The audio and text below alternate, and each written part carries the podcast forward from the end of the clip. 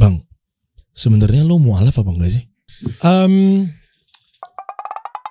Kita kasih solusi. hadir kan? Akhirnya didatengin juga Hadir sama Coach Rene. Saya pikir Anda lo ngomongin di belakang doang. Katanya dulu sempat kenal, katanya kakak kelas lu waktu lu zaman Nah. apa? Bukan itu DJ. Oh, beda, salah ya? beda, beda. Kebalik ya. Kenalnya dulu waktu zamannya mungkin bukan kenal ya. Gue beberapa kayak acara-acara TV gue waktu itu di Viera tuh ngeband. Hmm. Gue manggung di Viera, hostnya beberapa kali VJ Daniel. Iya, dulu kayak HUT RCTI. Eh, dulu lah, dulu lah. Cuma waktu itu gue pensiun dari band Viera itu, akhirnya gue jadi nge VJ karena Hmm. siaran juga. Lu sama di Trax juga gak sih bang? Trax Hmm, FM? Wah, gue yakin banget orang-orang pada nonton di sini nggak ada yang peduli kalau misalnya gue dulu di tracks atau enggak gitu. Karena nggak pernah. Karena Pernah enggak, tapi nggak. mereka nonton channel ini, oh ada Daniel Mananta, mereka pengen tahu sesuatu. Obrolan kita, basa-basi kita nggak penting. Opsinya lu cuma dua sebenarnya. Iya. Lanjut nonton Mm-mm. gitu ya atau matiin langsung gitu ya. Exactly. Jadi gue akan ngasih gini kesempatan buat kalian semua yang lagi Gini nonton aja. ini bisa matiin langsung. Gini aja, gini aja. Gue bimbing gimana?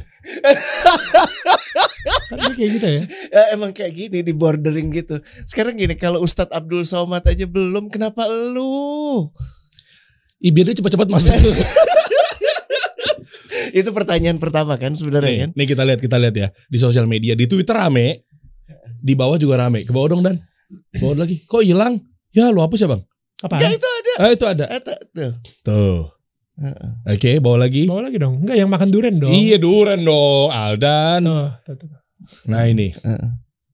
Oke, ini kita klarifikasi teman-teman nih. Allah. Banyak yang mengira ternyata VJ Daniel Mananta ini alhamdulillah selamat datang di Islam. Satu, yang kedua ada lagi loh. Silakan nih, gue coba objektif ya bang deh. Yang kedua sensasi nih. Ini lagi pengen viral. Yang ketiga oh toleransi.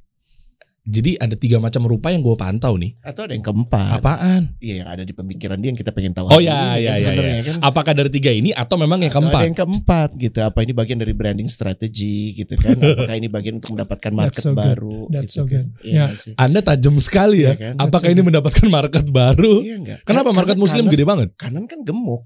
Iya kan market kanan itu kan gemuk sekali. Makanya lo bikin kasih solusi lo manjangin jenggot lo salah satunya kan juga untuk itu. That's kan, so betul good. kan?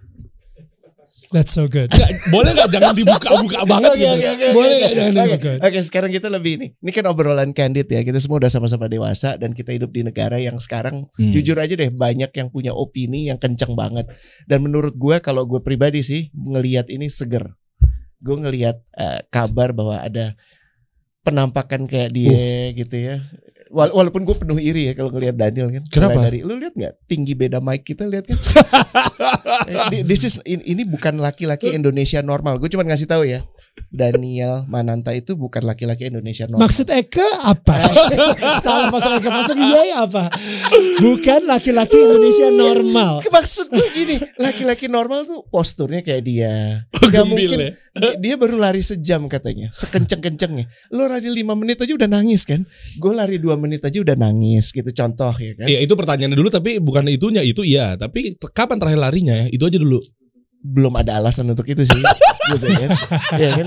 Kalau dia kan selalu punya alasan untuk memacu diri dia dan lo mesti ngerti ya konteks pada saat seseorang melakukan sesuatu kita diajarin untuk punya apa ya persepsi terbaik dulu gitu ya. Hmm. eh, husnuzon prasangka Berprasangka terbaik baik, dulu ya. gitu dan prasangka baiknya menurut gue menyegarkan sekali walaupun ini nggak bisa mengurangi prasangka prasangka buruk yang mungkin terjadi kita pengen dengar langsung Oh, prasangka buruknya apa kayaknya? prasangka buruknya yang tadi gue udah ngomong di awal ya ini ini cuma masalah eh, apa marketing ploy ya Hmm. branding strategi untuk dapetin market yang lebih gemuk for whatever it is gitu Hmm. pengen denger aja sih eh, Iya. apa what mungkin dari awalnya dulu kali ya Iya. gimana ini bisa terjadi Hmm. dan inisiatornya siapa apakah Mm-mm. dari beliau ya Ustadz Abdul Somad atau dari lo Hmm. Iya atau Hmm. memang kapan syahadatnya gitu sih. Hmm. Tuh kan nggak berguna Enggak kan kita nungguin. Ini gue perwakilan dari netizen coach. Iya iya tapi Gua maksud nungguin. gue maksud gue kan pilihan untuk kaum Iya. beragama. Oh iya itu itu itu masing-masing lakum dinukum waliyadin. Iya, benar. Dan bahkan di Islam nggak boleh menghina agama lain, Nggak se- boleh. sesembahannya juga nggak boleh dihina. Enggak boleh. Nah, gue nggak tahu yang mungkin yang radikal-radikal di luar sana ya. Mm-mm. Nah cuma kalau gue sih pahamnya begitu. Iya. Nah Jo Dan untung gue gak bawa Starbucks juga kan di sini. rame lagi ntar nih. Eh, silakan. Gila ya, tadi kita ngomong isinya kontroversi semua tau gak sih? Lu udah siap kehilangan kan? Lu udah siap kehilangan followers bener gak? Eh, coba kita dengar dulu ya. Oke deh. Kalau memang ternyata parah kan tinggal diedit. Oh ya bener juga sih aman ya insya Allah. Silakan eh, VJ Daniel, ini senior saya nih di VJ nih. Silakan silakan. Oke. Em, mungkin kita trace back dulu dari spiritual journey gua. Oke. Mungkin dari dari segi itu dulu gitu ya. Jadi ini buat yang lagi nonton mungkin harus tahu dulu em, kok Daniel Mananta yang tadinya seniornya Derry gitu ya di Hmm. MTV, kenapa tiba-tiba bisa nongkrong sama Abdul Somad makan durian bareng Ah, kayak gitu. itu. Alright, jadi kita kita kita em, dari awal banget gitu ya. Nah, gue akan akan ngomong mungkin em, dari masa kecil gue dulu gitu ya. Di mana masa kecil gue itu gue adalah orang yang sering banget dibully ya kan waktu waktu kecil em, waktu sekolah dan lain-lain gue mungkin bisa dibilang offbeat banget cara bercanda gue offbeat Em, gue kalau ngomong tuh kayaknya eh, gede banget kalau misalnya ketawa itu ngakaknya bisa gede banget sampai kayak dicela-cela sama temen gue gue saking saking stresnya karena dibully gue sempet tumbuh uban di rambut gue gitu Seriously. Ya, ini eh, kelas berapa ya, Bro? Kelas itu kelas 13. Eh, eh, umur 13 tahun. Satu eh, SMP, SMP 1, SMP 2 gue udah ubanan. Wah. Se-stres itu. Dan semakin gue kayak aduh gila ini kok hidup gue hari-hari gue seperti ini terus ya? Itu gue bener-bener em, makin ubanan lagi. Dan di pas gue lagi di Australia pas gue SMP kelas 2 di Australia itu gue dikasih julukan grey hair. Gara-gara Oh, gue saking banyak ubannya full. full. Oke. nggak full sih tapi maksudnya banyak banget gitu. Nah stres banget um, gue actually af- after this gue bakal uh, lunch sama dua sahabat gue dari Australia. Um, mereka namanya Rizky sama Rikas. Um, mereka itu satu sekolah bareng sama gue satu angkatan juga. Nah kita bertiga itu paling terkenal di di sekolah kita namanya Aquinas College. Um, jadi ada ada sekolah perempuan namanya Santa Maria. Kita sek- sekolah laki semua. Jadi kayak Canisiusnya lah. Hmm. Nah ini um, gue di di Aquinas College itu semua laki semua. Dan kita bertiga itu paling terkenal banget di um, kalangan para wanita-wanita ini di sekolah Santa Maria ini gitu. Wow. Yang pertama yang paling ganteng namanya Rikas. Oh. Dia adalah Lebih ganteng dari lo. Yes, oh yes, yes banget banget. Sampai Oh, hari ini pun dia masih lebih ganteng dari gue. Itu gue harus akuin. Oke. Uh, cek aja Instagramnya @rikasharsa. Uh, Waduh. gila, ganteng Ya, silakan ya. Dan ada rencana juga duduk sama Abdul Somad. Tergantung ini kita makan siang kita mau tanya. Wah, Alhamdulillah udah banyak yang masuk. Oke, yang kedua um, Rizky. Uh, Wahyu Rizky. Oke. Nah itu uh, dia mungkin terkenal sebagai yang paling smart di antara kita bertiga. Wow. Wow, gitu. Oke. Dan habis itu gua Daniel Mananta dikenal sebagai yang paling weirdo. Kok bisa gitu? Seriously. Jadi jadi So, paling sebutan lo ke lo atau sebutan orang ke lo? sebutan sih anak-anak perempuan itu ke gue. Ah, Oke. Jadi jadi pertama paling ganteng, kedua paling pintar, ketiga paling, Paling weirdo, weirdo. dan itu Oke, gue oke. gitu. Jadi eh, tiga nama yang muncul di Aquinas College adalah kita bertiga dan gue adalah yang paling weird lah di antara semua. And eh, of course itu lah makin makin bikin stres lagi, makin bi- bikin frustasi lagi. Nah, langsung kita fast forward ke tahun 2003 ketika gue menang VJ MTV. Hmm.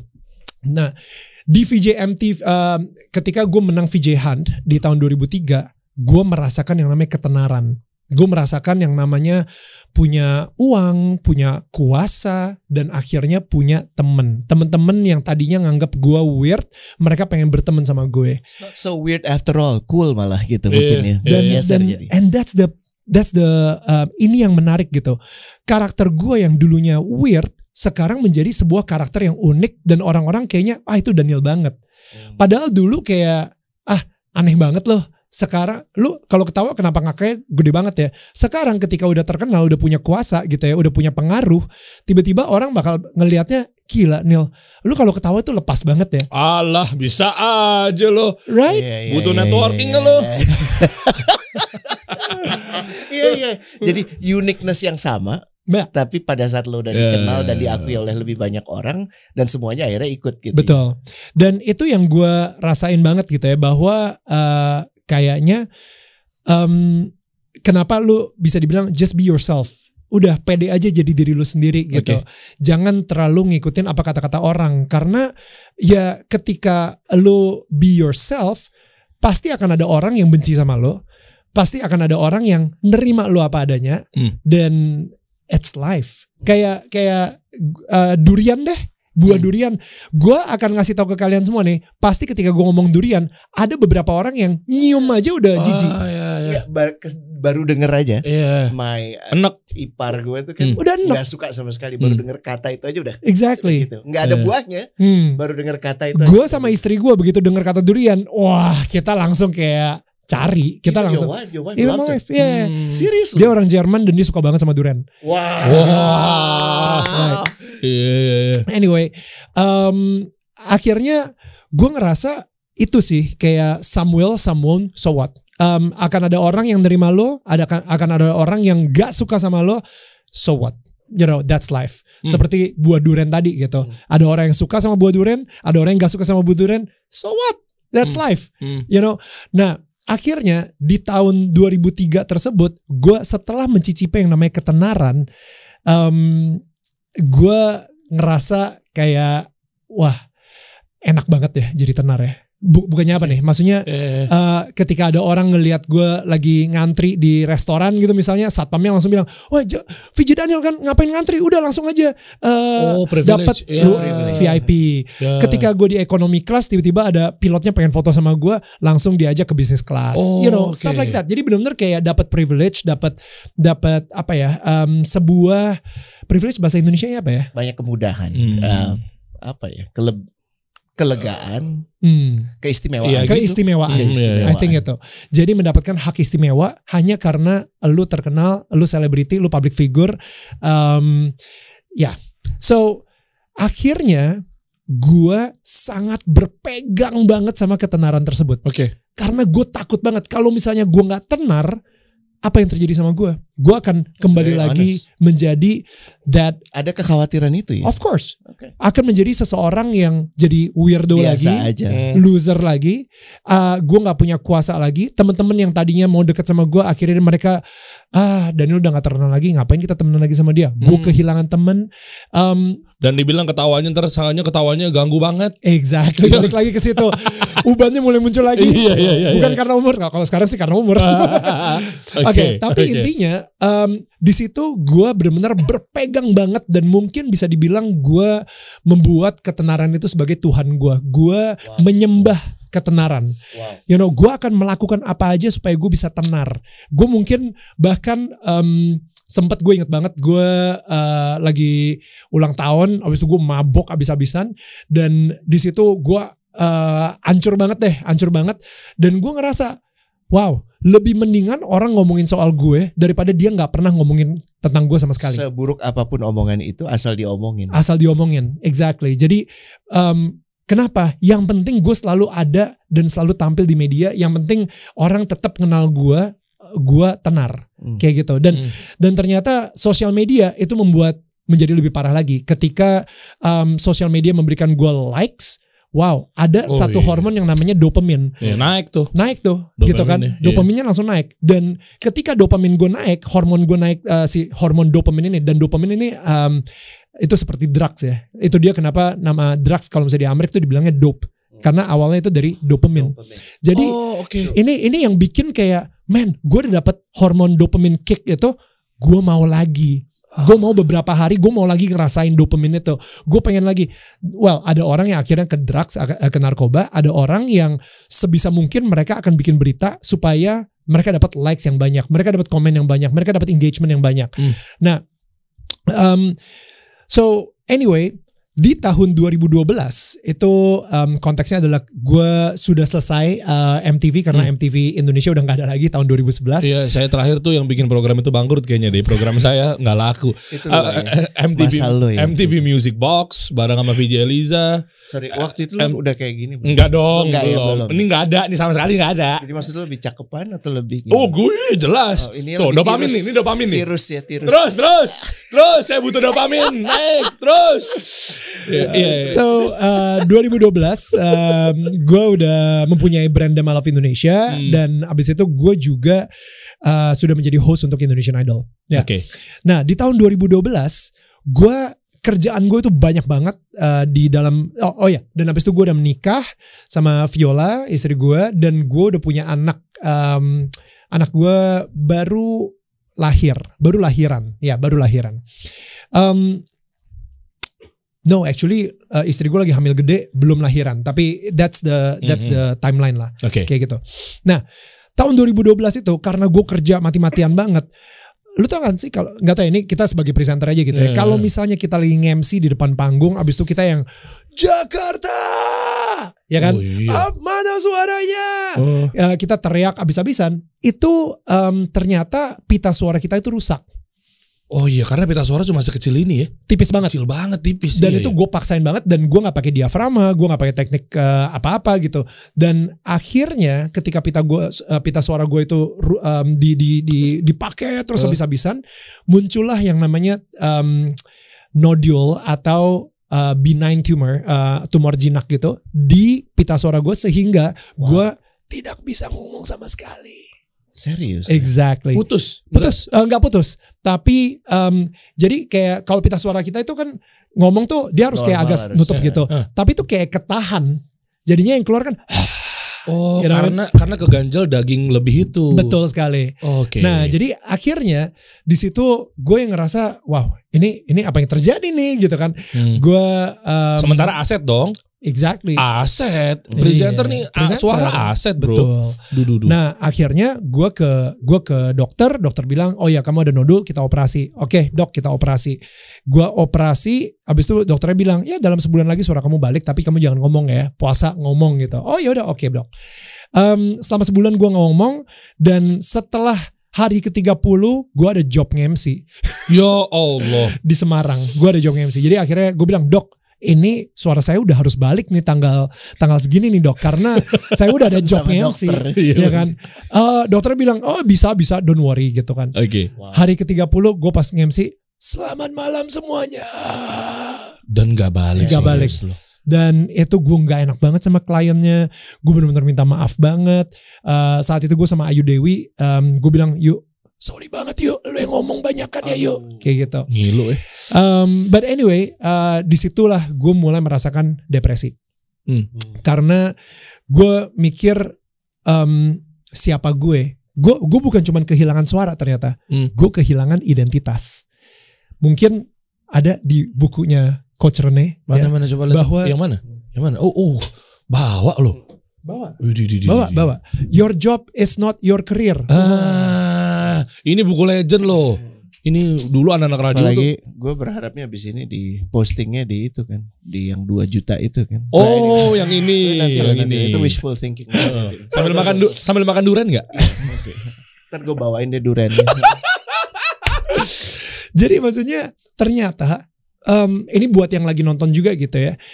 Ternyata sering banget kita mengkaitkan identitas kita sama karir kita. Hmm, oke. Sehingga ketika karir kita tidak ada, kita kehilangan identitas kita. Oke, Dan itu yang terjadi sama gue. oke. Siapa gue kalau gue tidak mempunyai ketenaran dan gue bukan presenter.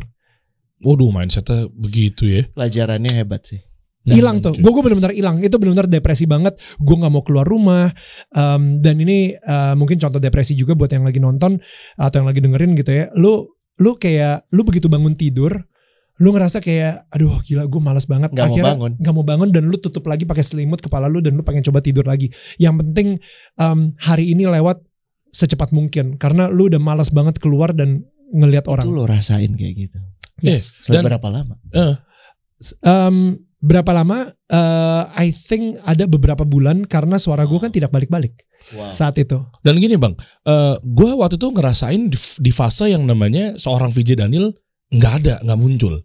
Dan waktu itu di benak gue dua sih, nggak tahu memang yang pertama gue pikir lu mundur dari dunia entertainment, yang kedua gue pikir, ya maaf ya waktu itu kan kita mindsetnya secepat itu aja, oh udah nggak laku lagi kali. Dan itu banyak yang ngerasain. Kita kita dan anak radio, iya Daniel ke mana ya? Apa itu di masa itu yang lo tiba-tiba ngilang? Gak tahu juga. Itu tahun berapa? 2012. Oh iya, gua 2012 gue berhenti di radio 2017. Iya benar. Hmm. Kita waktu itu kayak tau gak sih anak-anak radio ngomongin, oh ini sekarang hostnya ini ini ya, ya biasa lah standar Hmm. lah common lah. Eh, ternyata itu fase gue ngeliat, eh VJ Daniel ke mana ya? Hmm. Gitu, cuma kayak, oh iya ke mana tuh? Oh udah, ada yang mungkin beranggapan teman-teman gue tadi, udah nggak dipakai lagi nih. Hmm. Kita gue gue secara objektif ya, gue mikirnya Ya. waktu itu ah enggak kali memang memang idealis aja kali kalau gue di kubu Hmm. itu Hmm. milih-milih program karena kan yang kita tahu kan oh cuma ada biar eksklusif di Indonesian Idol Hmm. gue di kubu itu karena Ya. mungkin ngambil sisi Dan idealis thank you banget dari uh, Hmm. lu di kubu itu karena itu adalah uh, jawaban yang benar karena gue ngerasa ketika lu terlalu lama berada di spotlight yang ak- akhirnya spotlight itu akan membutakan lu. Wah keren Jadi Ini memorable banget Iya. nih barusan nih. keren jadi maksud gue uh, kadang-kadang emang ada saatnya kita mundur keluar dari spotlight um, makanya lebih eksklusif misalnya uh, misalnya Indonesian Idol cuma satu season ya udah lu keluar bentar untuk season yang lain misalnya ada X Factor ada ya Indonesia's Got Talent ada uh, banyak banget ya program-program gitu dan nanti begitu Indonesian Idol keluar lagi ya lu muncul lagi gitu itu itu so keren I think um, karena apa ketika lu terlalu insecure sama spotlight tersebut yang ada lu Di mana pun lo mau yang penting dapet. Exactly dan itu membutakan lu sampai temen atau lawan pun juga lu udah gak peduli. Pokoknya gua harus ada di spotlight tersebut. Lu sampai buta sama semuanya gitu. Jadi um, itu dia kenapa it's good untuk mundur dulu dari spotlight, kasih teman-teman yang lain dulu. Abis itu nanti ketika ada waktunya kita balik lagi ke spotlight Oh. tersebut. tuh bersinar lagi tuh biasanya tuh Anyway, ya um, akhirnya ketika gue lagi depresi tersebut, temen gue Sandra Dewi bilang, Nil, coba deh ke um, salah satu ini dia uh, kalau misalnya di Katolik disebutnya evangelist. Right? Um, dia ini adalah seorang evangelist namanya Bapak Benyamin Ratu. Dia mempunyai karunia menyembuhkan. Dia bilang seperti itu. Gue yang kayak, oh, oke, gue mau nyoba apa aja supaya suara gue bisa balik. Ketika suara gue bisa balik, gue akan mendapatkan ketenaran itu lagi. Itu yang yang gue pengen. tetap kan? ya tetap dihantuin eh, rasa itu ya Pasti dong, Iya, pasti iya, dong. iya. Gue nggak mau tahu, gue harus ngelakuin apa aja. Dan gue bersyukur banget sih sama Sandra Dewi gitu, karena gue ngerasa kalau bukan karena dia, mungkin hidup gue udah depresi dan stresnya sampai mungkin gue coba menghindari em, kekhawatiran atau ketakutan gue dengan minum alkohol Hmm. em, atau mungkin di rumah aja depresi sendiri gitu. free sex gitu Em, nggak ke sana nggak tahu juga kalau misalnya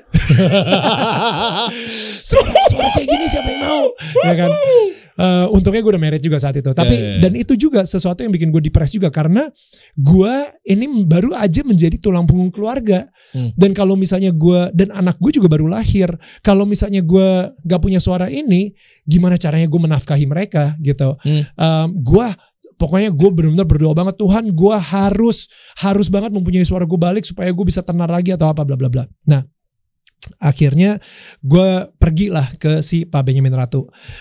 Dia doain gue dia bilang "Eh, Daniel lo harus memaafkan seseorang. Gue bingung ya. Kayaknya gue asik-asik aja deh sama semua orang. Siapa yang sakit hati sama gue? Hmm. gue sakit hati sama siapa? Enggak lah. Gue nggak perlu maafin siapa-siapa gue Wow. Anak nongkrong gitu gue asik gila Chill. chill banget. Siapa yang pernah ini? Ternyata banyak sih. Gue hari ini gue uh, flashback gila banyak banget orang-orang yang gue sakitin hatinya. But anyway, saat itu gue nggak itu karena gue terlalu ngeliat ke diri gue sendiri banget dan Hmm. akhirnya gue pikir ya udahlah gue maafin ya gue maafin seseorang lah kayak gitu. Gue maafin seseorang dan ketika gue maafin seseorang gak tau kenapa ketika gue didoain gue nangis nangis nangisnya sejadi jadinya dan gue bingung ini kenapa? Padahal gue nggak pengen nangis tapi air mata gue terus keluar. Lu tau nggak? Ini nangis yang ingus lu itu gelantungan gitu tau? Iya. tisu tisu. Kenapa nggak ada yang bawa tisu sekarang? Dan akhirnya kayak aduh pakai pakai baju jorok segala gitu. But anyway um, di situ setelah didoa Rilis ya. Kenapa Ada rilis, ada semacam ada rilis. that's so good coach Rene um, akhirnya setelah gue uh, selesai didoain gue balik ke mobil nyokap gue langsung kayak BB gue BBM BBM saat itu kan Hmm. di BB um, gimana suaranya balik atau enggak? Gua tidak sembuh. Jadi gue bilang belum, suara gua masih hilang gitu.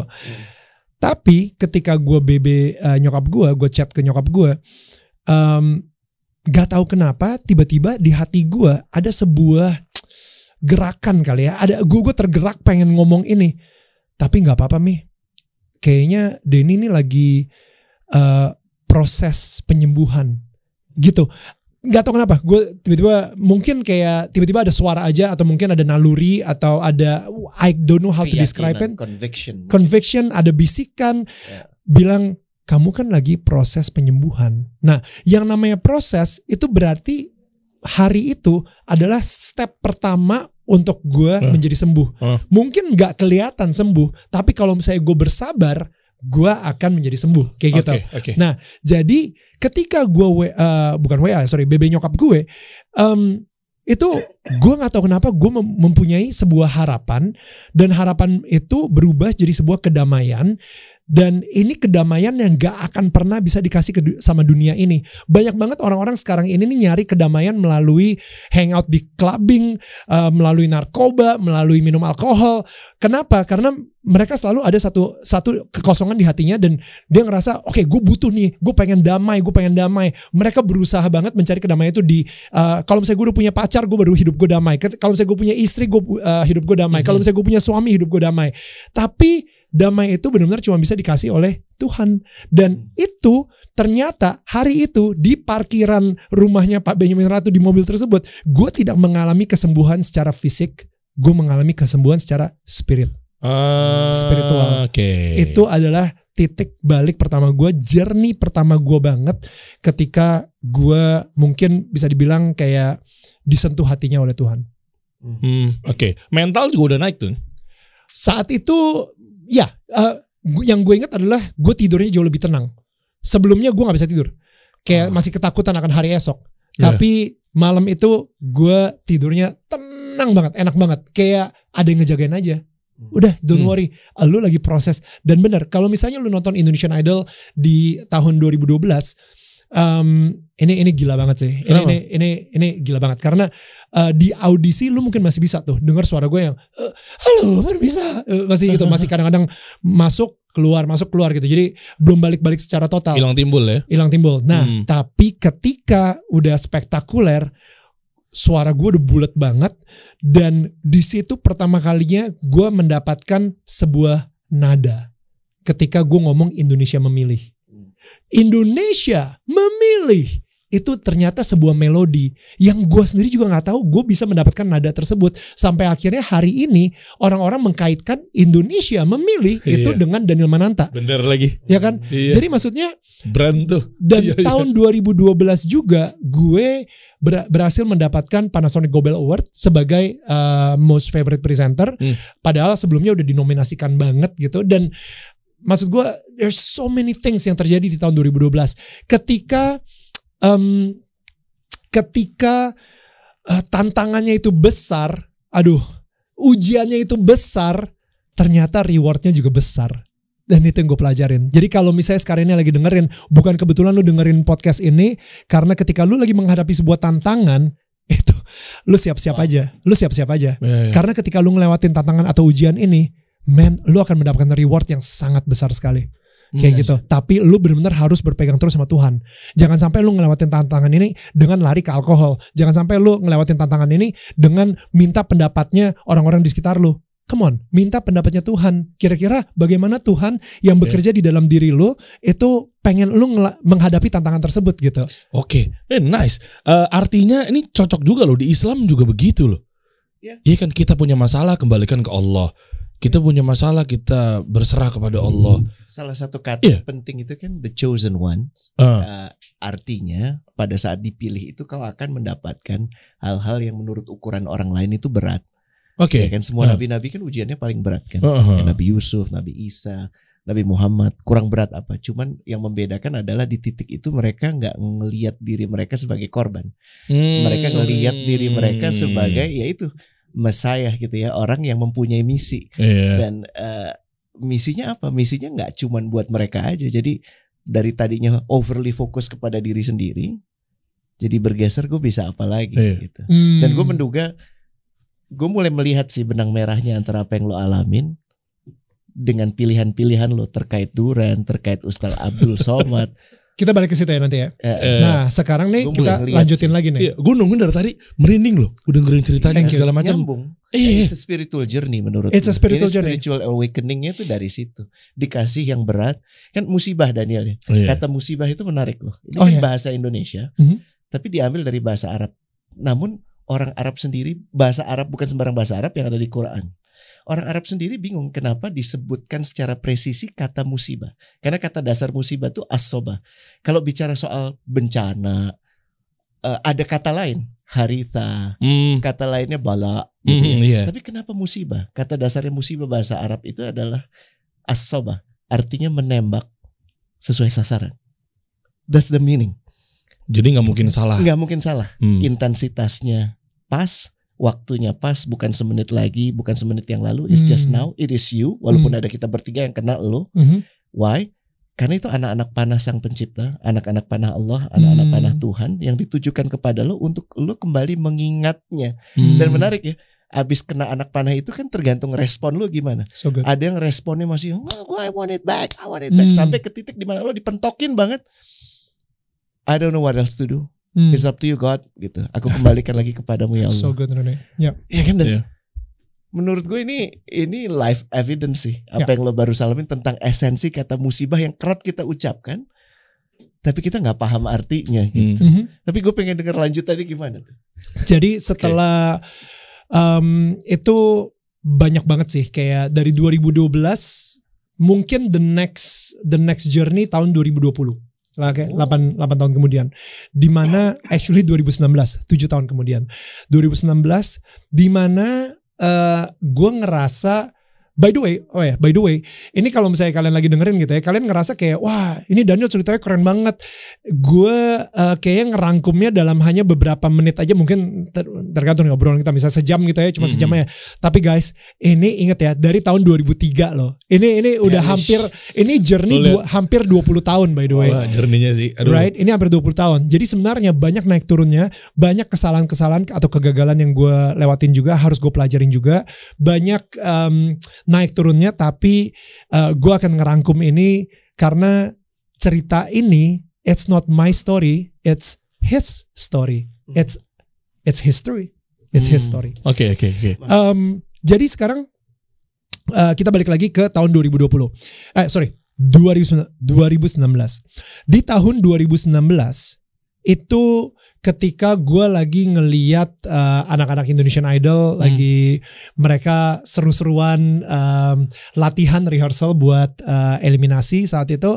Abis itu gue berdoa aja, berdoa berdoa kan kita bisa di mana aja ya, nggak Hmm. perlu harus ke tempat Ya. tertentu gitu. Tapi gue berdoa lagi di duduk lagi nontonin mereka, Tuhan, makasih ya, gue bisa ngedapetin season 10 nih sampai nih di Indonesian Idol nih, gila gitu kan.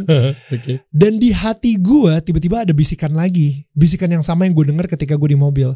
Udah ya, sampai season 10 aja. Wah, serius loh. Wah. Wah, ini ini ini journey yang kedua nih kayaknya nih. Gila Wah, men, gue mau wah, nungguin wah, banget wah, nih. wah, Wah, wah, wah, seru, wah. seru, seru, seru. Seru, seru. Tapi pada saat itu lu udah minum Hallowell belum untuk vitamin C buat buat daya tahan tubuh? Udah ada belum? Smooth. Jangan-jangan waktu itu belum minum Hallowell nih Nice buat bridging. Iya kan mungkin untuk nyembuhin daya tahan tubuh lagi menurun apa segala macam. Ini vitamin C-nya bisa nyembuhin luka dan lain sebagainya nih. Oke, lanjut lanjut. Deh. Lanjut lanjut lanjut. Jadi eh Neil udah ya sampai season 10 aja dan di situ gue langsung kayak em, oke ini kayak suara setan. nah tapi emang gitu ya kita kita sus- susah banget untuk ngebedain suara setan, suara ego kita sama suara Tuhan di hati kita karena pikiran kita kan selalu ngomong terus tuh. Iya, iya, iya. Gue nih ngomong sama lu kayak, wih gila nih jenggotnya ganteng banget sih. nah itu suara gue atau Iya, suara Tuhan atau iya, suara setan. iya. You know, like I, I I don't know gitu kan. Oke. Nah di situ kita benar-benar harus ngomongin banget. Jadi orang pertama yang gue ajak ngobrol soal ini adalah istri gue. Gue Hmm. bilang, gue nggak tahu kenapa, kayaknya em, gue disuruh berhenti deh dari Indonesian Idol sampai season 10 aja. Ini bahaya banget nih karena ini bakal mempengaruhi em, pemasukan kita, pemasukan pemasukan kita eh, untuk anak-anak kita sekolah, eh, pemasukan uang belanja dan lain-lain. Eh, gimana menurut kamu? Gue tanya sama istri gue gitu kan Viola. Viola yang kayak ngeliat ke gue dia bilang, oke, em, gue doa dulu ya. Oke, sure, ya udah. Oh, dia tenang dia ya, dia tenang ya. masuk dia masuk kamar, Oh. dia doa. Habis itu dia keluar kamar. Oke Nil, kalau misalnya Tuhan bilang lo harus keluar dari Indonesian Idol, keluar. Jadi inget cerita Siti Hajar Apa? Yang yang tujuh kali bolak-balik. Tinggal apakah ini perintah Iya. perintah dari Tuhan? Iya, iya, lakukan. Ya Allah. Padahal nggak nemu ya. banget ya. Nyari air, Iya, nyebrang ke sana, Safa Marwa kan? kan kabarnya kan kabar buruk ya. Iya. Maksud gue kan masuk ke kabar bisa aja ngitungin gitu kan gimana ini tapi kan emang benar-benar berkonsultasi gitu dan dia dapat juga wah. Jadi kayak ini. setelah itu orang kedua yang gue ajak ngobrol adalah manajer gue. Hmm. Eh, namanya Johandi Yahya, dia udah manajer gue. Hari ini mungkin dia udah hampir 20 tahun jadi manajer gue. Wow. gue setia banget orangnya gitu kan. Nah, em, si manajer gue ini dia dia dia bilang sama gue, Neil, lu bukan main di sinetron yang tidak mendidik ya. lu justru ini ada di atas panggung Indonesian Idol di mana lu bisa memberikan pengaruh, lu bisa memberikan impact, lu justru di atas eh, panggung Indonesian Idol, lu bisa bersinar eh, untuk melakukan kerjanya Tuhan. Dia bilang seperti itu. Ini adalah berkat dari Tuhan, tapi lu malah sekarang ini menyia-nyiakan berkat dari Tuhan. Wow. Lu coba pikirin lagi deh. Dia bilang seperti itu. Oke. Wah, Which makes sense banget. Iya. Make sense banget. Ini Mhm, ini mhm. sesuatu yang sangat make sense. Nah, em, oke, Joe, thank you banget. Eh gue tutup telepon. Abis itu gue pikirin juga tuh kayak bener juga ya kata Joe ya. Em, beberapa hari sih, akhirnya gue kayak eh, sambil Nimbang-nimbang. nimbang-nimbang. Gue gue kan orangnya suka lari gitu kan. Gue gue sambil lari gitu kadang-kadang gue dengerin podcast. Podcastnya isinya eh, khotbah gitu. Jadi Oke. Oke. gila banget sih. Kayak, Sangat iya, iya. sangat nyambung ya. nyambung Iya. banget sih. Biasanya mungkin dengerin apa sambil lari. Nah, gue gak dengerin lagu, gue dengerin, eh gue dengerin khotbah gitu. Nah, Eh. atau atau enggak podcast-podcast yang eh, memberikan motivasi atau self development gitu. Karena Hmm. gue ngerasa eh, ketika gue lari, akhirnya gue bukan hanya sehat secara fisik, tapi gue bisa sehat juga secara mental dan juga spirit gitu. Iya. Jadi akhirnya em, di situ ada satu khotbah yang benar-benar kena banget di gue dan ini ngomongin soal Ibrahim.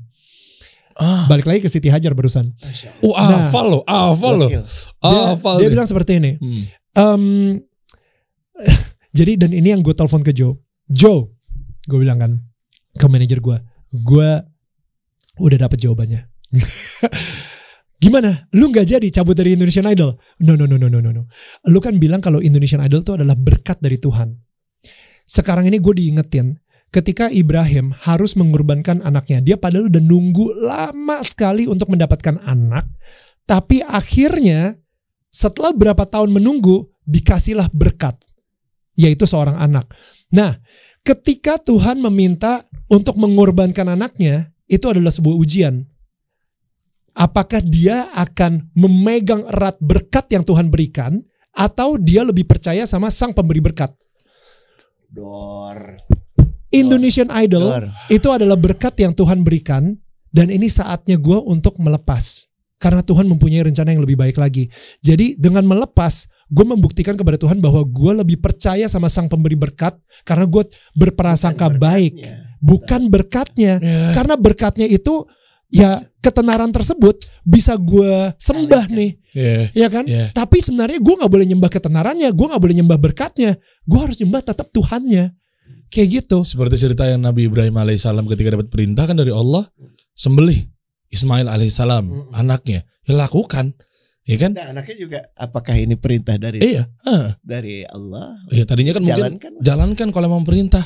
Jadi Padahal mungkin Nabi Ibrahim di situ kan ukuran gini nggak mau juga ukuran melakukannya. kita ya Hmm. ukuran kita manusia itu kan untung ruginya yang kasat mata ya Iya iya iya iya. iya. yang kita bisa ngukur yang kita bisa prediksi tapi sebenarnya apa yang kita tahu terlalu terbatas sangat terbatas powerful sih Lanjut lanjut VJ Daniel lanjut lanjut lanjut. Dan akhirnya di tahun Wow.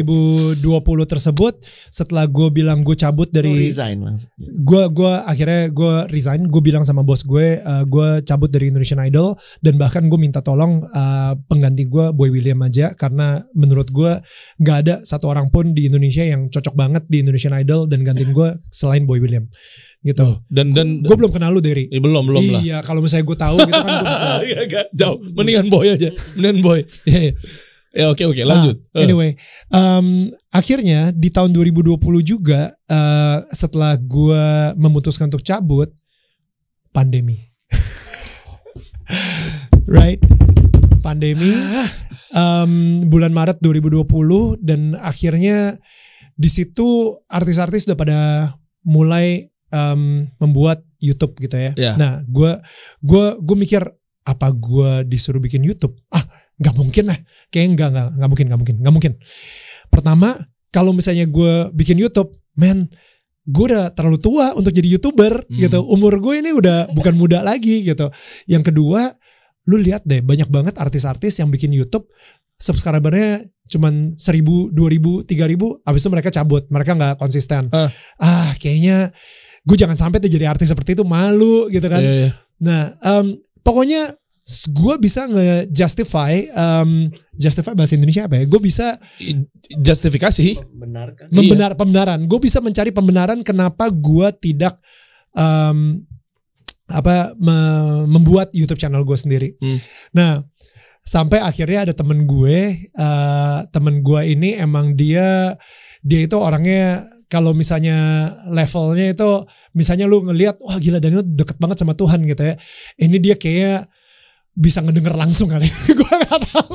Pokoknya pokoknya gila sih nih orang kayak kayak lu tau gak sih? Apa anda anda disangka nabi atau gimana? Gak, gak, tahu, gak tahu juga tapi maksudnya gila ini benar-benar kayak sensitif banget malamnya ketika gue lagi mikir seperti itu dia tiba-tiba voice note gue secara nggak sengaja dia bilang Neil gue nggak tahu kenapa ya di hati gue kayaknya em, gue nggak nyaman banget kalau misalnya gue nggak ngomong ini ke lo gitu nggak tahu kenapa lo harus bikin YouTube channelnya men dia Dan adalah jawaban dari tempat yang tidak Oke, diduga-duga. by the way, dia adalah orang Inggris, eh, kelahiran India, tinggal di Sydney. Oke, Ajaib. jadi dan karena pandemi kita nggak pernah ketemuan, kita nggak pernah tiba-tiba ya udah ngomong aja kayak gitu dia nge-voice note gue di WA. Iya alasannya apa? Maksudnya tiba-tiba mungkin a- awalnya cuma mau nanya kabar dulu kayak tiba-tiba langsung Ya, atau mungkin ngomongin bisnis duluan memang sebelumnya sama dia. I don't know. Oh, enggak, enggak, enggak. Dia dia Oke. mungkin em, apa ya? Mungkin dia ngelihat Instagram live gua misalnya seperti itu or whatever gitu ya. Dia follow Hmm. gue di Instagram. Tapi tiba-tiba dia W, bisa WA gua, dia kirim voice note itu. Pertama dia bilang kayak gini, mulai si channel YouTube lo. Yang kedua, biarpun kecil, do not despise the small beginnings. Jangan meremehkan eh, apa eh, permulaan yang kecil Hmm, gitu. hmm. Karena kadang-kadang apalagi di bisnis nih, kok mereka udah dapat berapa uh, omsetnya berapa juta, kok gue masih ratusan ribu aja ya? You know, it's still the beginning. Itu itu Yeah. baru permulaan. Yeah. Lu jangan mengharap lah kalau misalnya lu di bisnis lu memulai sesuatu Langsung. tiba-tiba langsung instan kayak gitu. Ya sayangnya emang karena ada uh, semuanya ya reality show, uh, sosial media dan lain-lain gitu. Kesannya instan itu sesuatu yang harusnya lu udah entitled. Tapi sayangnya life is not like that. Lu Hmm. justru bakal lebih kuat ketika fondasi lu lebih lebih uh, Iya, kokoh sehingga ketika lu mulai dari yang kecil lu mempunyai proses, nanti ketika lu udah tinggi di situ lu nggak akan cepat untuk jatuh juga gitu. Wah keren. But I Ya. think yaitu do not despise the small beginnings. Itu satu kata, kata yang dia bilang. Jangan meremehkan hal-hal kecil ketika lu memulai sesuatu. Yang kedua dia bilang, oh sorry ini yang ketiga berarti ya sorry. Mulai YouTube channel lo, do not despise the small beginnings. Nama yang ketiga, um, ke- walaupun itu tidak sempurna, it's still okay. Yang penting lu udah nurut kayak Hmm, gitu. Oke. Lu udah nurut gitu Oke. um, walaupun tidak sempurna ya udah orang pertama bintang tamu yang pertama gue undang adalah Ari Lasso Hmm. gue um, Ini ada tetangga kamu kan? akhirnya di Ya, ya. Daniel tetangga kamu di Ya. Daniel Mananta Network dan Ari Lasso uh, gue di situ um, apa ya mungkin kayak tersadarkan bahwa ternyata media kita itu selalu fokusnya atau memberikan spotlight ketika seseorang tuh lagi jatuh banget atau ketika seseorang tuh lagi naik banget tapi mereka nggak Nggak pernah pernah ngomongin ini. prosesnya Oke. Jadi Ari Lasso ketika dia katanya ditendang dari dewa, Mhm. ya kan pada saat itu sampai akhirnya dan itu media gede banget kan. Wah, Ari Lasso ditendang dari dewa oleh Ahmad Dhani whatever karena narkoba gitu kan. Dan em, ketika dia sukses sebagai eh, solo singer Mhm. sekarang itu dengan eh, apa, lagunya gue lupa. Em, pokoknya lagu pertamanya dia eh, Rahasia Ilahi kalau nggak salah lupa Mhm. gue. Tapi itu eh, wow Ari Lasso adalah solo artis terbaik sekarang ini dan lain-lain. Orang nggak pernah tahu apa yang terjadi di tengahnya. Oh iya. Dan di situ gue fokus. Nah, dan gue juga akhirnya interview Bunda Maya Estianti. Ya pokoknya teman-teman Indonesian Idol gue dulu lah gitu kan. Ahmad Dhani.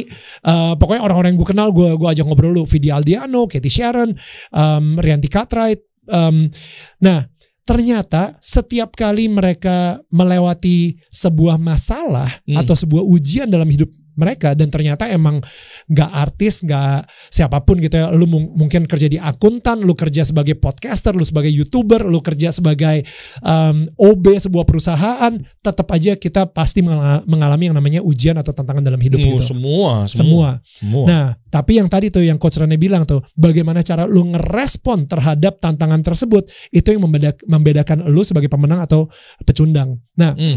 jadi gue ngelihatnya ketika ketika uh, orang-orang yang gue interview di Daniel Tetangga Kamu ini ketika mereka menghadapi sebuah masalah, pada akhirnya mereka berserah lagi kepada Tuhan. Mereka Hmm. akhirnya minta Tuhan untuk membantu mereka. Em, karena bayangan yang gue dapat nih ya, ini ini ini kayak gambaran yang gue dapat analoginya gitu ya.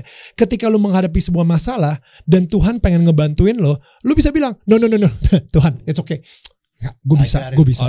Gue bisa, gue bisa. It's okay, it's okay. Enggak, enggak, enggak. Sampai akhirnya lu benar-benar nggak bisa, lu jatuh dan lu ngerasa, aduh Tuhan, gue benar-benar nggak bisa lagi. Udah ya, cara lu udah ya, udah selesai ya. Oke, kalau gitu gue masuk deh. Ini Tuhan sang Maha Pencipta uh, langit dan dunia ini, Tuhan yang benar-benar luar biasa. Akhirnya Dia akan menolong lu.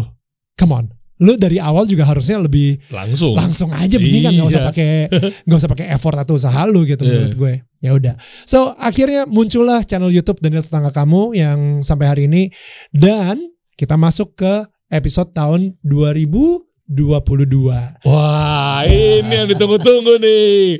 Aduh. Sampai juga. Sampai juga Seru nih, nih. seru. Akhirnya kita bahas klarifikasinya atau mungkin apa oh tujuannya. anda dari Kobusier ya bukan, bukan. Derry Corbuzier. bukan Dedi ya. ternyata ngomongin kualifikasi di sini juga Ya, ya, ya. Enggak, enggak, enggak, bukan, bukan. Ini kan terkait dari audiens kita.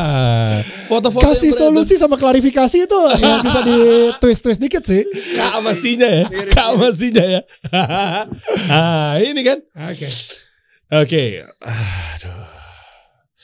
Gimana tuh jadinya? Hah? Ini 2022 dong, jerninya dong. ini 2022 Eh, yang kan? Ini Oke, nyambung ke sini akhirnya dong. gue bisa menjawab pertanyaan coach Rene tadi Oke. prosesnya gimana sih Nel Hmm, ya, ya, ya, ya. Em, prosesnya menarik banget.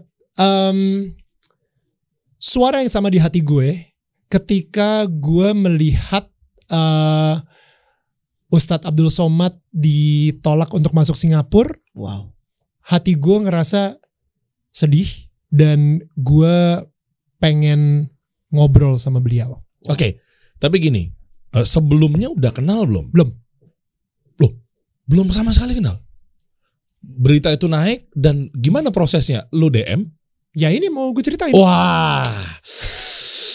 Aduh. Yuk, yuk, siap-siap ya pasangan. Sabar. Saya mau buru-buru nih. Sabar, Oh, oh, Saya mau buru-buru nih. Junior biasa, junior gue, junior gue masih kayak gini, masih kampungan. Yang dia. Old bull. Nah, masih Ya, boleh, boleh. masih nggak tenang deh. Masih nggak tenang, masih kerasa kerusuk ya. Iya, kerasa Oke, oke, oke. Lanjut, lanjut, Harus kita lanjut. ajarin lebih. Oke, lanjut. Ampun kakak senior. Ampun kakak senior. Susah deh, susah. Iya. Ilmunya sama, gunungnya sama soalnya. Oke, oke. Ini ya tumblernya mau diputar lagi nggak? Oh, boleh, boleh. Oh, biar kelihatan ya. Oh, halo Wela juga sih mau agak maju dikit. lu mancing Lanjut. lu mancing mancing sih.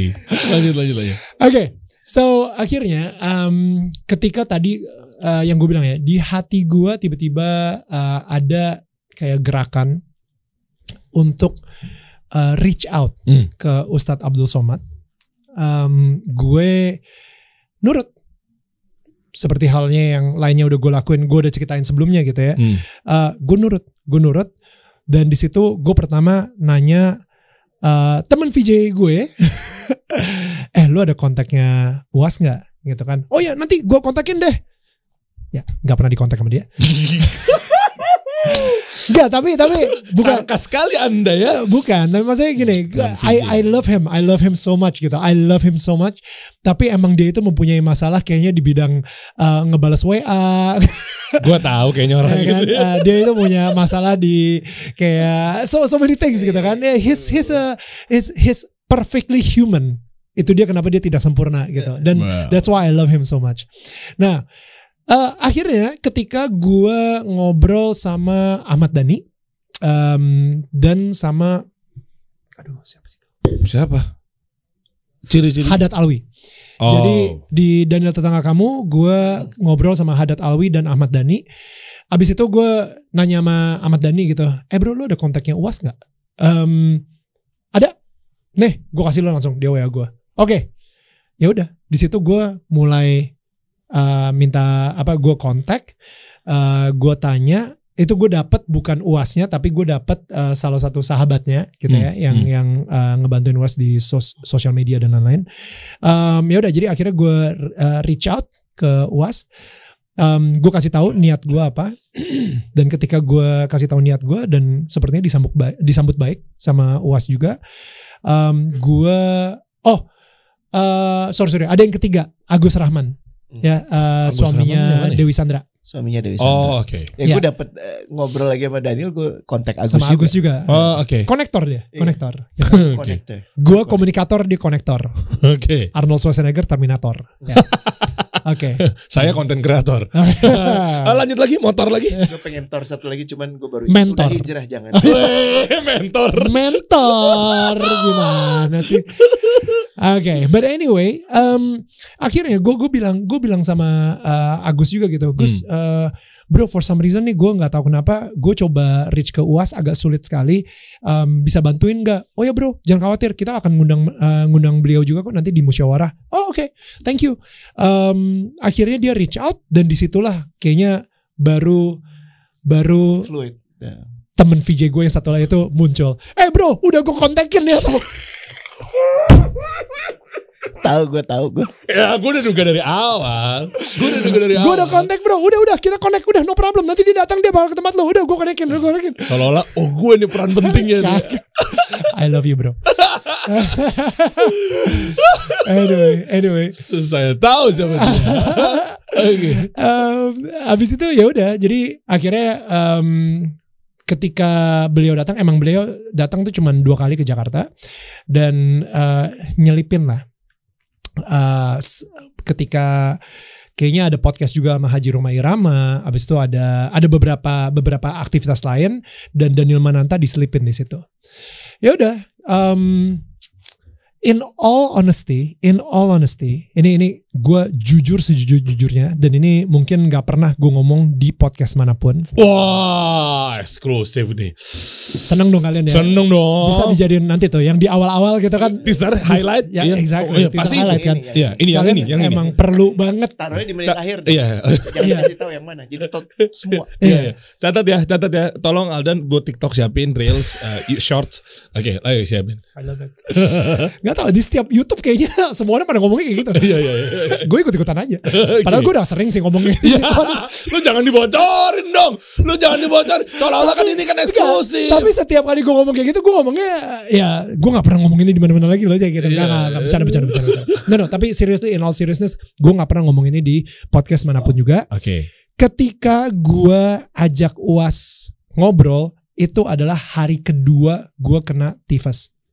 Oh. Jadi di hari pertama ketika gue kena tifus, um, gue berdoa sama Tuhan. Gue bilang kayak Tuhan, em, ini maksudnya apa ya? Eh, apakah ternyata selama ini gue salah mendengar hati gue? Gue pikir Tuhan pengen gue untuk reach out ke UAS.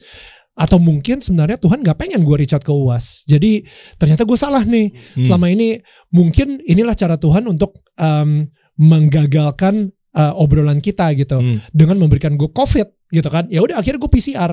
Gue bilang kalau misalnya hasil PCR-nya keluar positif, gue cancel semuanya, gue batalin karena gue akan nurut sama Tuhan gitu kan.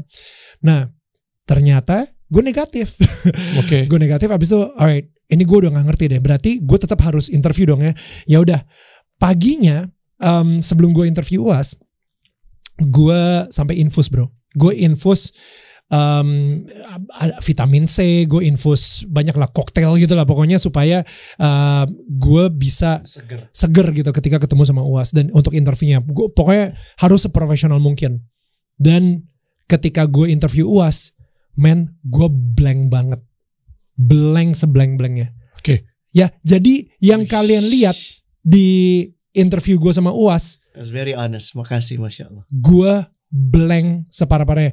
Ada satu momen ketika uas lagi bercerita gue cuman ini kenapa keringat gue dingin banget? Aduh ini tangan gue dingin banget. Ini kok tangan gue ngerasa kesemutan. Abis itu dia cerita dan abis itu tiba-tiba dia diem. Aduh Nil pertanyaan berikutnya apa nih? Pertanyaan berikutnya apa? Eh, set. Gue langsung ngomong aja. Gue langsung ngomong dan itu ngom semua pertanyaan-pertanyaan yang gue tanya ke uas menurut gue itu source-nya bukan dari gue karena Daniel Mananta yang profesional tidak akan mungkin bisa come up dengan pertanyaan-pertanyaan tersebut Hmm, hmm. ngerti gak maksudnya Paham. Oke. Right. Didalamin lagi coba gimana gimana? menurut gue mungkin itu adalah semua bagian dari rencana Tuhan.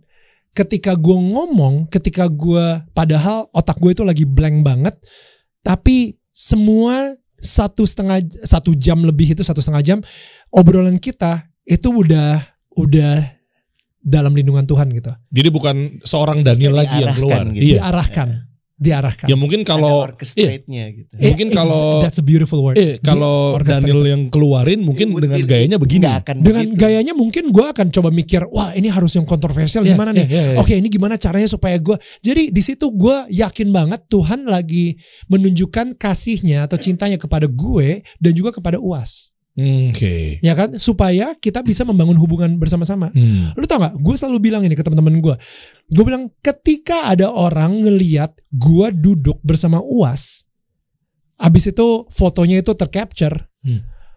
lu tau nggak siapa yang tersenyum Siapa? Tuhan. Aduh, Tuhan tuh tersenyum banget.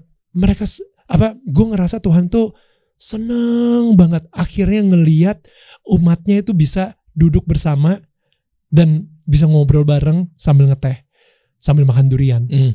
Tahu nggak yang bener-bener tidak suka banget siapa? Siapa? Setan. Oh iya.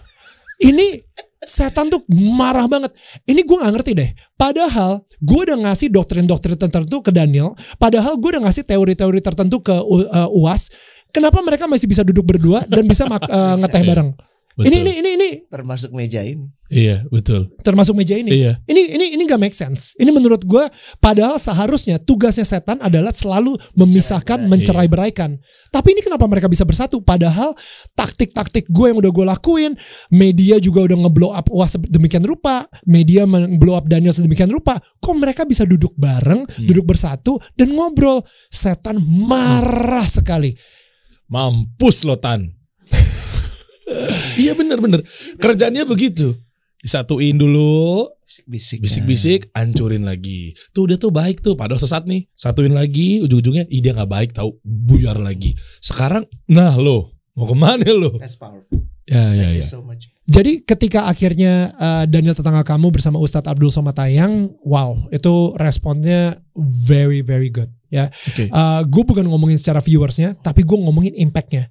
Hmm. Sekarang ini gue ada di tahap di mana gue nggak terlalu peduli sama viewers atau subscribers. Hmm. Well, peduli sih, um, tapi um, Kenapa sekarang lebih meaningful gitu?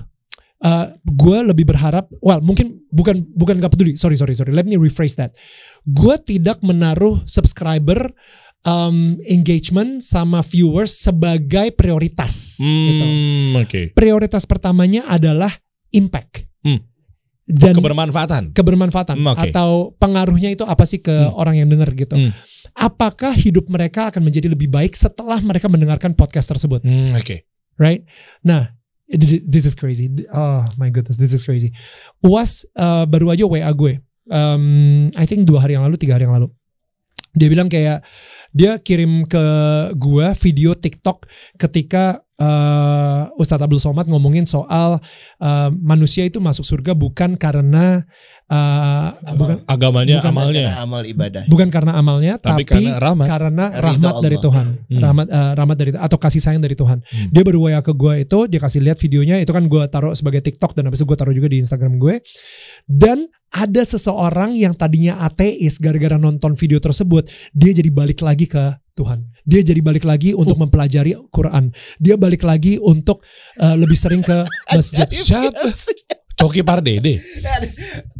Kan Coki kan begitu, ngakunya kan agnostik, ateis, apa segala macam. Bukan, bukan Coki Pardede. Eh, Ustadznya nggak sebutin nama ya, jadi Oh, iya, iya, oke. mungkin Oke. eh, dia lebih bijak dari kita semua. Inisial aja nggak disebutin. Oke, oke. Oke. Oke, tapi intinya impactnya itu Hmm. apa? Dan ini yang gue pengen tanyain juga nih ke semua yang lagi denger gitu. Apakah ketika kita sudah mempunyai hubungan dengan Tuhan, apakah kita ketika kita beragama, apakah ketika kita em, setia mendengarkan Tuhan dan setia eh, berdoa terus dan melakukan ritual-ritual kita, impactnya itu atau pengaruhnya atau buah-buahannya, apakah itu menyebarkan kedamaian, apakah menyebarkan kebencian Hmm. atau kemarahan Hmm. atau sukacita, Oke. apakah menimbulkan em, eh, cinta atau malah menimbulkan eh, kebanggaan harga diri. Hmm. Oh lihat dong, gue nggak pernah absen, gue paling rajin, Iya, itu kan iya. harga diri banget, Iya, iya, iya. ya kan? Right. Pride Hmm. ataukah lu malah gila gue kangen Kangen. banget gue kangen banget punya masa kusyuk itu se- sehingga gue bisa ngobrol banget sama Tuhan sampai sedemikian rupa sampai gue bisa nangis kalau misalnya gue pikirin kasih sayangnya dia lu lu apakah hubungan lu dengan Tuhan malah membuat em, keluarga lu jadi terpecah belah dan dan eh, tercerai beraikan ataukah malah mereka semakin bersatu dan semakin merasakan kasih sayang Tuhan Lewat dari lu. perbuatan lo dan dari aksi lo gitu kan Oke. jadi maksud gue em, podcast yang kita lakukan itu buahnya itu positif Hmm, Dahsyat. oke. Dahsyat. buahnya itu adalah kindness buahnya adalah goodness gentleness people akhirnya jadi lebih gentle sama satu sama yang lain buahnya adalah em, love peace joy patience gitu jadi kayak kayak impactnya yang didapatkan dari dari obrolan kita ternyata positif Hmm, oke. dan itu yang membuat UAS bahagia banget dengan obrolan kita. Diundanglah gua ke Pekanbaru. Oh, nyampe lah adegan duren ini. Exactly. Dan Eh, ketika ini pekan baru kan? yes, yes, Iya, yes, iya, iya. yes banget. Oke. Jadi ketika uh, beliau mengundang gue ke Pekanbaru, gue bilang, oke Tat, uh, saya tapi datang sama istri boleh nggak? Hmm, oke. Uh, again, by the way, by the way, uh, disclaimernya adalah ketika diundang, apakah gue harus pergi atau enggak? Gue doa doa dulu, exactly. Gue sama istri gue doa dulu. Nah, ketika gue doa dan kita ngerasa sangat nyaman banget, kita mera- merasakan damai di hati, oke, kita berangkat ke Pekanbaru. That was beautiful. Hmm. Ketika kita ke Pekan, ketika kita ke Pekanbaru, em, pada nanya dong, eh, bikin konten atau enggak? Hmm, oke. bawa kru nggak? Daniel berapa orang? Nggak, cuman gue sama istri gue. Loh, kru nggak mau dibawa untuk bikin YouTube podcast gitu? Nggak. Gue bener-bener cuman pengen membangun hubungan dengan UAS. Oke, nggak nggak pakai konten? Nggak, nggak, nggak. Tapi kalau misalnya kita videoin nggak apa? Ya itu terserah lu, lu video-videoin aja. Tapi intinya, gue hanya ingin membangun hubungan dengan UAS. Kapan terakhir kita membangun hubungan dengan seseorang tanpa kita kontenin? Woi. Aduh, manusia, manusia. Kadang kalau ada kesempatan atau opportunity, peluang dan lain sebagainya, kenapa gua nggak sikat aja ya? Exposure nih men, itu kebanyakan begitu tuh.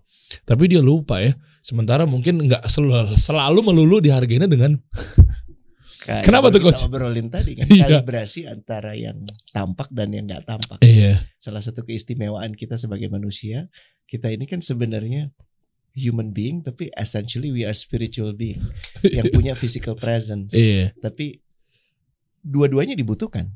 Gitu kan mesti ada kalkulasi bisnis selalu, mesti ada kalkulasi kira-kira gue mau melangkah seperti apa dan itu di disahkan, diperkenankan. Hmm. Gunakan akalmu makanya. Selalu anjurannya oh, lu pakai akal lo nggak.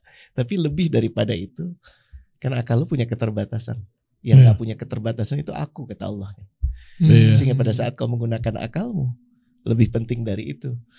Lo berserah nggak pada- sama sama padaku gitu. Menurut gue ini langkah yang gokil banget sih. Eh, Dan mendengar ini validasi lagi bahwa iya memang apa Allah itu hadir di hidup setiap orang.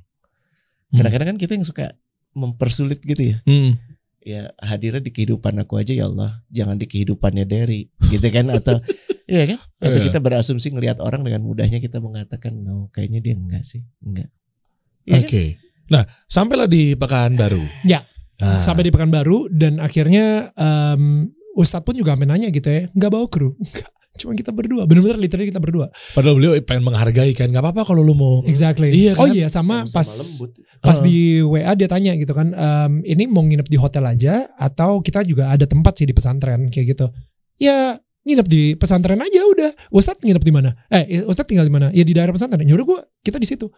Gitu. Dah. jadi Oke. Masya kita tinggal di rumah Oma which is Oma tuh apa? rumah ibunya yang sorry ini ada satu rumah yang dibangun untuk ibunya tapi sayangnya ibu beliau meninggal di tahun 2019 Jadi yang belum akhirnya- merasakan rumah itu. dan belum merasakan rumah itu Oh. tapi Ustadz sempat ngomong sih kalau misalnya ibu saya masih hidup aduh dia akan menerima Daniel dengan sukacita dengan senang hati dan pasti Mas Daniel tuh dikasih apa Bang Daniel dikasih nginep di sini juga gitu ya saya yakin juga sih Tat kayak gitu Aduh, seneng banget gue dengarnya ya Allah. ya kan Iya, iya, iya, iya, iya. Jadi anyway di situ em, kita membangun hubungan aja.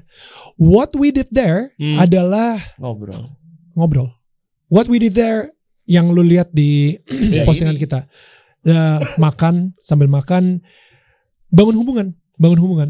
Dan jujur personally, gue aja menurut gue ini gue ditegor sih sama sama Tuhan gitu. Gue gue ngerasa em, hati gue ternyata tidak tidak damai ketika gue pulang dan abis itu apa ya kayak kayak Neil, lu kan niatnya membangun hubungan. Gini, ini ini ini hebatnya setan gitu. Gila, ini Enggak, sorry sorry. Boleh diedit gak? Gue nggak mau bilang setan itu hebat. Sorry sorry. Eh, Take out, take out, take out. Oke. Take out, please, Loh, take out. justru ini sarkas ke setan. Iya. Hebatnya lu tuh rese Enggak, gitu. bangke banget dia. Ah. bangke banget, bangke banget. Seriously. Iya, iya. gue benci banget karena sesuatu yang baik belum tentu itu adalah sesuatu yang Tuhan izinkan. Um, what is good might not be God. Hmm, Oke. Jadi em, ketika in, niat kita ke situ untuk membangun hubungan, kita udah bilang kita nggak mau em, kita nggak mau bawa kru, kita nggak mau bikin konten, kita benar-benar cuman pengen menikmati aja gitu. Nah di malam pertama eh gue posting em, Foto, foto ini. kita, well Hmm. actually foto gue sama Ustazah Fatimah juga sama Viola kita berempat di rumah Oma dan abis itu baru kita posting foto durian ini.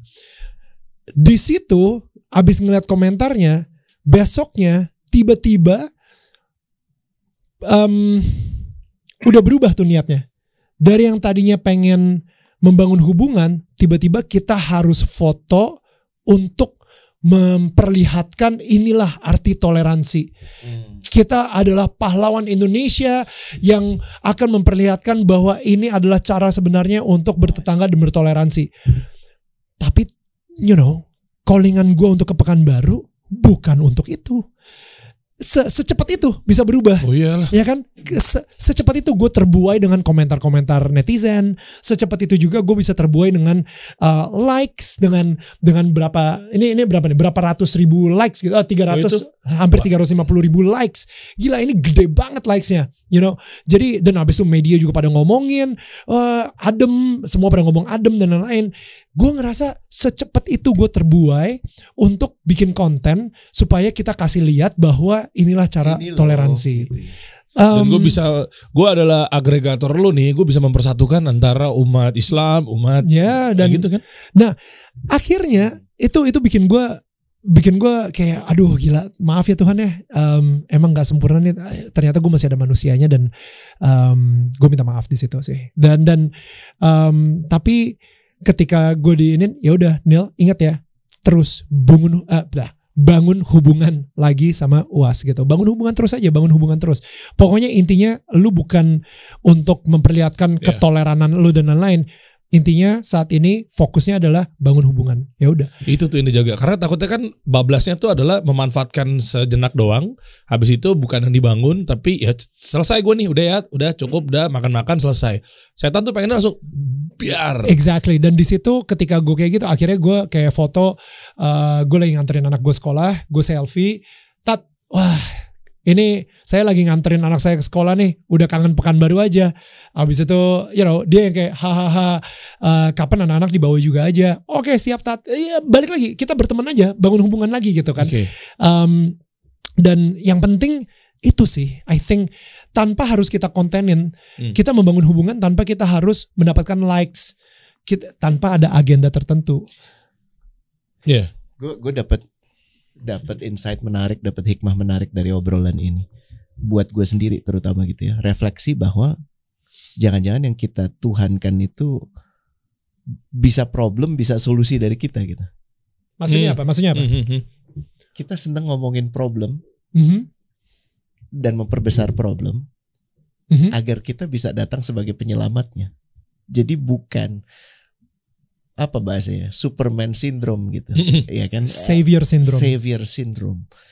Padahal sebenarnya yang dibutuhkan ya terus aja komunikasi gitu. Ya Hmm. buka aja peluang untuk eh, menjalin lebih silaturahmi lebih lebih erat, eh, lebih jauh dan lebih dekat di yang jauh didekatkan gitu, yang sudah dekat dieratkan eh, dan terus menyimak apa yang dikehendaki sang pencipta dari lo gitu. Itu Hmm, kan hmm. That's so good. Iya kan? So- Soalnya gini, I, I ba- baru sebelum lo ada di sini gue ngobrol sama Derry, gue posting sesuatu gitu ya, yang isinya sebenarnya self refleksi. Hmm. Semuanya bilang bagus bagus bagus bagus, tentunya dengan followership yang jauh di bawah lo, tapi menikmati. I don't have IG in my Dopamine. dopamine. I don't have IG in my uh, Phone. in my phone.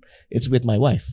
Ini bagian dari train gue gitu. Jadi gue hanya melihat pada saat uh, because I was addicted, gitu kan. Dan Kita enggak, ini gue tos kenapa? Karena berarti di ruangan ini kita berdua tidak punya IG di handphone kita. Lah emang ya? Gue nggak ada IG di handphone gue. Masa? Nggak ada YouTube juga di handphone gue. Lah terus siapa yang ngelola akun? Asisten lah. Udah dia yang posting. jadi Oh oke. itu yang insist ya dan Hmm. dan gue nulis itu dalam bentuk refleksi gue dan banyak yang bilang bagus kecuali ada satu orang yang insya Allah kita undang juga ya Mhm, mhm. ya Pak Dirman yang dia Oh. bilang kamu masih genit Pak Sudirman Said. Mas Sudirman Said dia bilang gue posting tentang reflection me myself and I gimana gue berusaha keras untuk nggak selfie sama Ustadz Numan Alihan sama Pak Anies kemarin di rumah dia gitu ya gue berusaha keras dan gue tulis itu dengan lo nulis itu lo masih genit Wow. Da- dan gue kayak sang pencipta lagi negor gue sih yang Wow. tadi dia Oke. bilang Melalui uh, melalui Pak Pak, Said. Sudirman Said. Ya. Yeah, I was like, this is so true gitu. I my savior syndrome itu muncul to show people gini loh caranya. Padahal gue sendiri belum beres. Karena gini bro, akhirnya ketika lu tidak posting, Tuhan senyum dan memberikan kayak reward tersebut ya. Tapi ketika lu posting, rewardnya adalah likes tersebut Iya. sama komentar-komentarnya. And that's it. Selesai itu situ. Bu, Iya, iya. that's beautiful. Thank you. Bener. Hmm. Karena yang tidak tampak itu rewardnya jauh lebih besar. Dan itu yang sebenarnya Exactly. mesti kita kejar. Aduh, Iya, merinding iya, gue iya. berkali-kali. Oke. Nih ini ini ini menarik thanks, ya. Thanks for sharing that. Iya, That was iya. real. That was real. Nah, gue penasaran nih gini bang. Ketika kan lu kan ke pesantren, mundur dikit ya, ngelihat suasana di sana, ya mungkin ada ustadz, ada para jamaahnya atau anak, ya mungkin eh, santri-santri atau apa pun itulah. gue mau garis bawahin adalah gimana lu melihat Islam sudut pandang dari seorang VJ Daniel yang mungkin di luar sana masih menganggap bahwa Islam ini radikal, Islam ini intoleran, Islam ini kadrun, Islam ini maunya merasa yang paling kalau benar. itu ngelihat gue kan. Karena gue juga disangka kadrun. iya kan?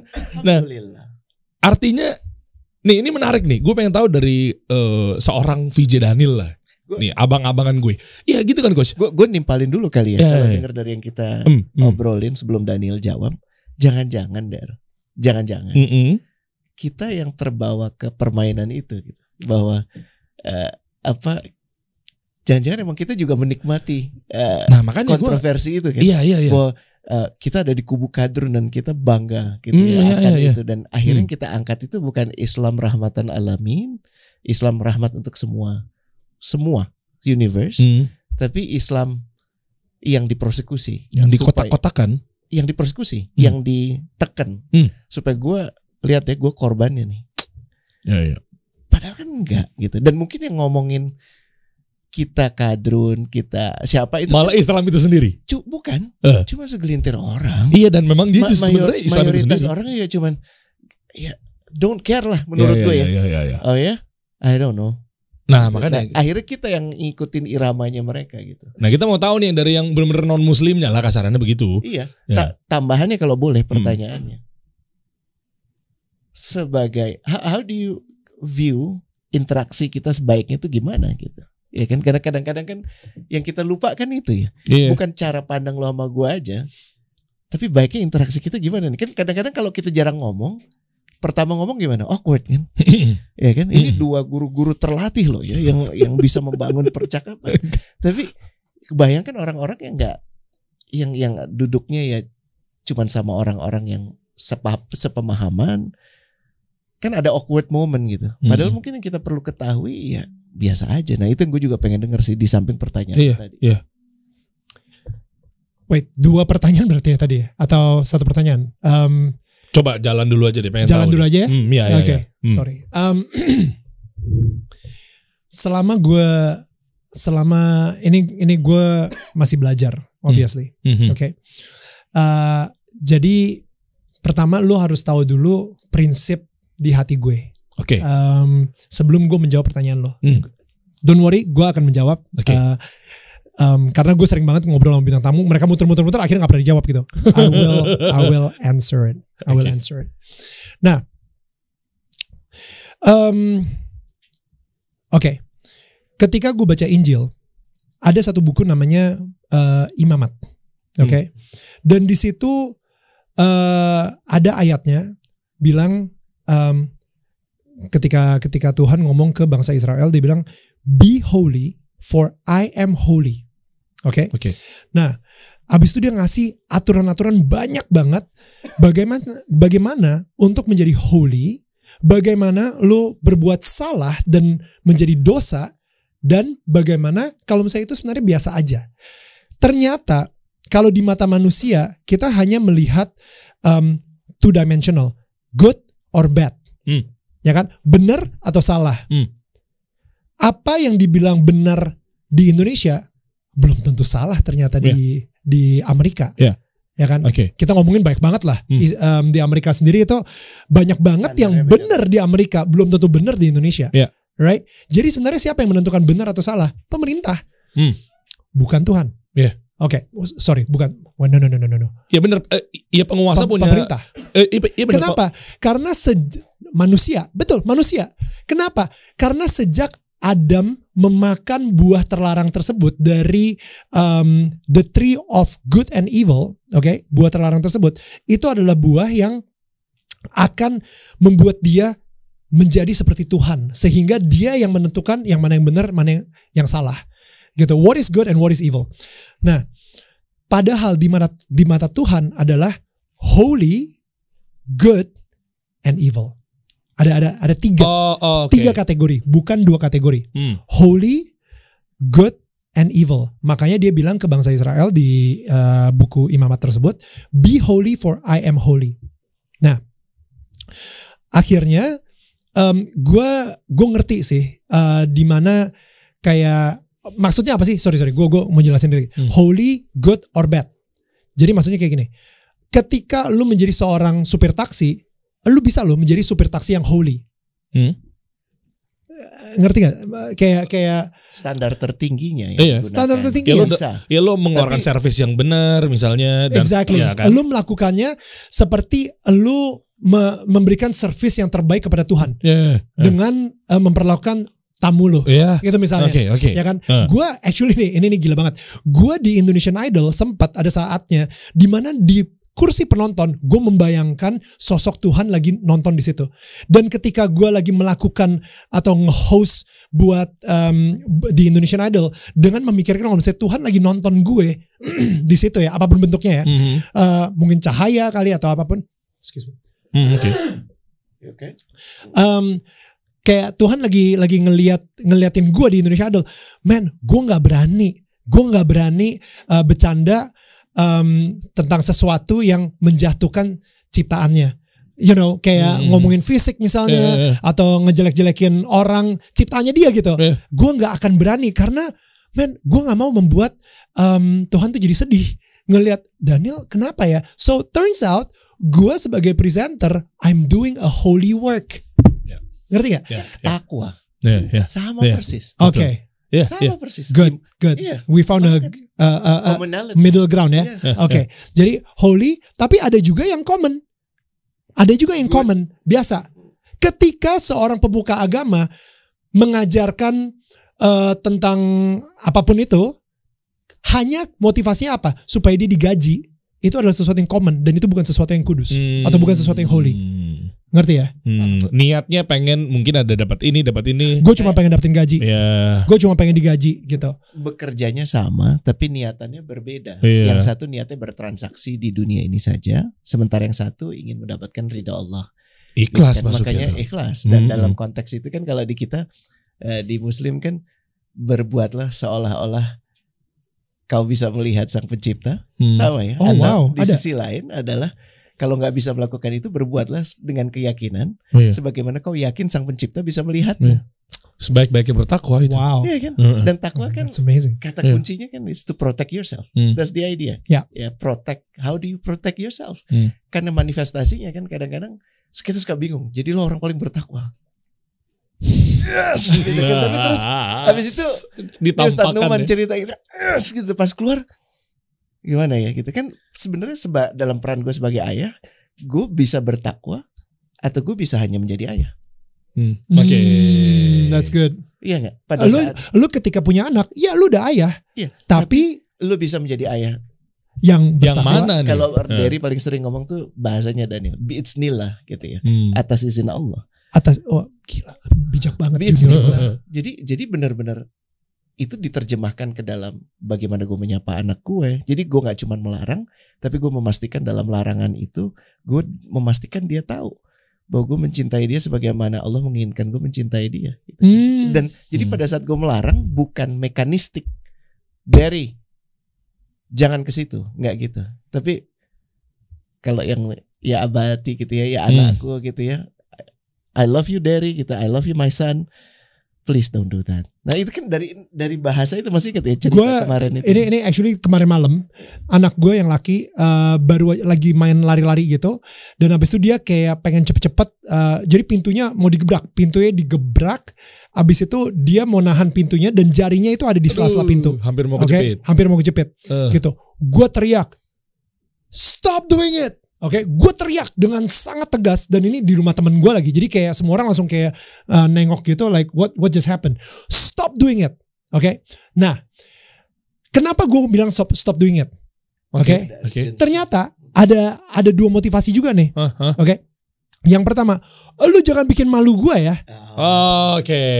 Stop doing it. Lu jangan bikin malu gue. Itu adalah ayah yang begitu sangat prideful. Oh ya. Oke? Atau gue bisa bilang stop doing it karena gue takut jari lu kejepit. Cara ngomongnya sama, sama-sama kasar, sama-sama teriak, tapi hatinya beda. Niatnya beda. Gila ya.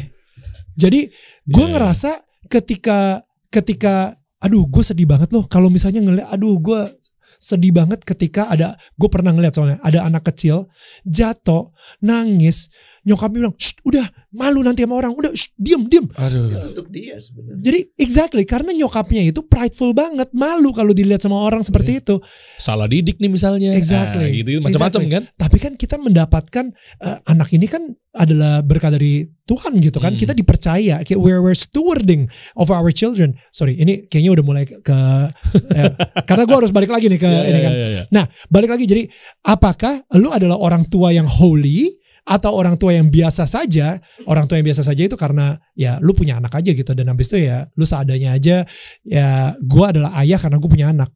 Atau lo adalah ayah yang dipercayakan oleh Tuhan um, untuk menjadi ayah bagi anak tersebut. Itu misalnya, Hmm. itu udah beda, motivasi udah beda banget. Um, sama yang ketiga, sinful, dosa. Ya udah jelas, udah jelas. Kalau misalnya dosa udah jelas, udah gampang lah. Lu pokoknya uh, ada yang jahat, ada orang yang akan akan menjahati lo, ada orang yang akan memfitnah lo, ada orang yang bakal bikin berita-berita hoax tentang lo, ada orang yang akan selalu me- me- menyerang lo. um, padahal, you know, kita benar dia salah, misalnya seperti itu. Itu biasa banget, and it's normal Hmm. dari zaman MTV pun juga gue udah dapet itu kan. So um, I think sekarang ini holy, uh, normal atau common atau uh, evil gitu. Nah kalau orang yang common banyak banget orang-orang kalau misalnya kita tanya, eh hubungan lo sama Tuhan gimana sih? Ah enggak lah, yang penting yang penting gue baik aja deh. Oh, ya. Yang penting gue jadi orang baik. Em, nanti Tuhan juga paling ini. Tapi dia nggak pernah punya hubungan sama Tuhan. Menurut gue em, itu adalah common. Karena orang yang baik ini untuk kita bilang lu mau nggak untuk bisa jadi holy? Waduh, nggak akan pernah mimpi dia untuk jadi holy. Hmm, Tapi ketika kita mempunyai hubungan sama Tuhan, Tuhan balik lagi tuh fondasinya. Uh, be holy for I am holy. Supaya kita mempunyai kedekatan itu sama Tuhan. Karena apa?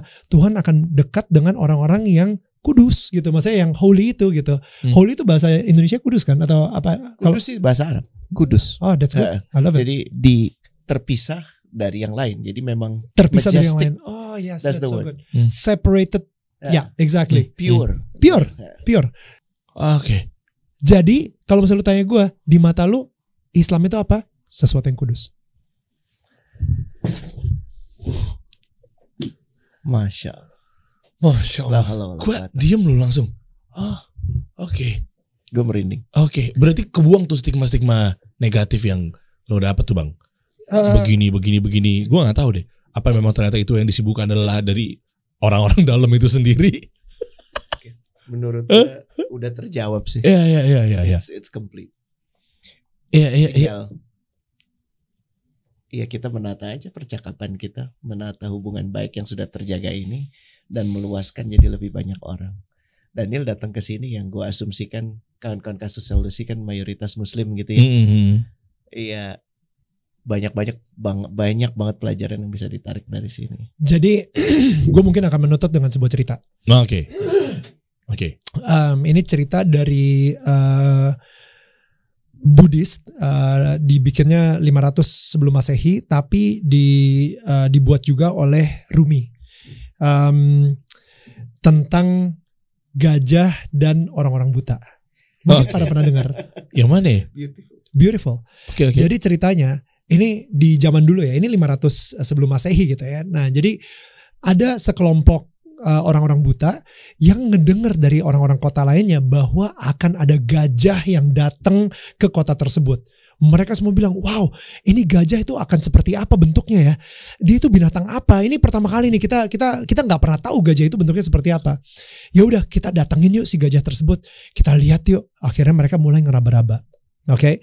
Nah, orang yang eh, orang buta yang ngeraba belalainya, saya ngerti sekarang gajah itu bentuknya seperti binatang ular. Oh iya, karena belalainya aja tuh dipegang tuh. Habis itu orang yang orang yang eh, lagi megang kakinya, enggak enggak enggak enggak enggak. Gajah itu seperti batang pohon, kuat banget. Habis itu orang yang lagi megang badannya bisa bilang orang buta yang megang badannya enggak enggak enggak enggak enggak. Gajah itu bentuknya seperti tembok, rata. Orang yang em, lagi megang gadingnya nggak mungkin. Gajah itu seperti eh, tombak, tajam banget dan halus sekali. Dari cerita tersebut, gue ngeliat itulah cinta kasih Tuhan. Gajah itu adalah cinta kasih Tuhan. Dan ternyata cinta kasih Tuhan itu ke orang itu beda-beda banget. Ke Derry beda. Hmm. Ke Coach Rene beda. Ke gua beda. Ke Uwas beda. Cinta kasih Tuhan tuh luar biasa sekali. Cinta kasih Tuhan itu yang bener-bener seperti samudra luas banget. Dalamnya kita nggak tahu. Masih ber uh, layer, layer, layer, layer, layer. Dan kita memformulasikan Tuhan atau cinta kasih Tuhan dengan cuma bilang, enggak, dia itu seperti belalai. Itu kan bukan cinta kasih. Tuhan yang lengkap. Terlalu Iya. sempit. Terlalu sempit untuk kita cuman fokusnya sama itu.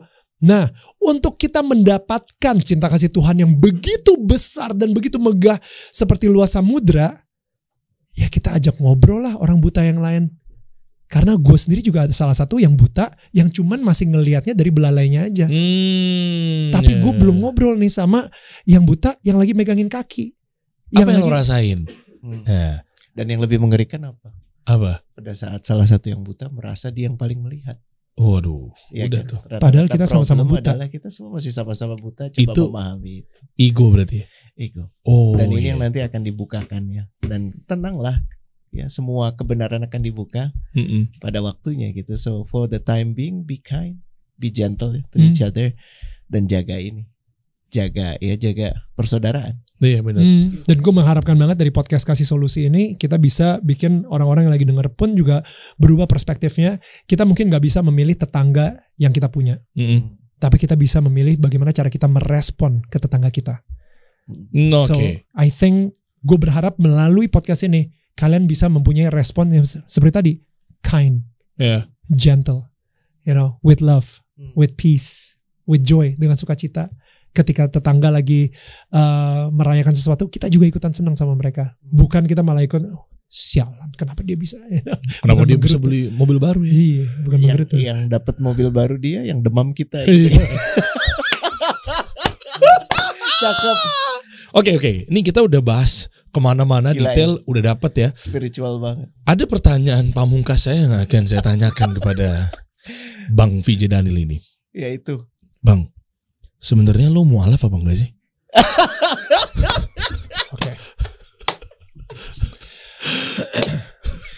Em, kita tunggu setelah yang satu ini tetap dikasih solusi. Kita kasih solusi.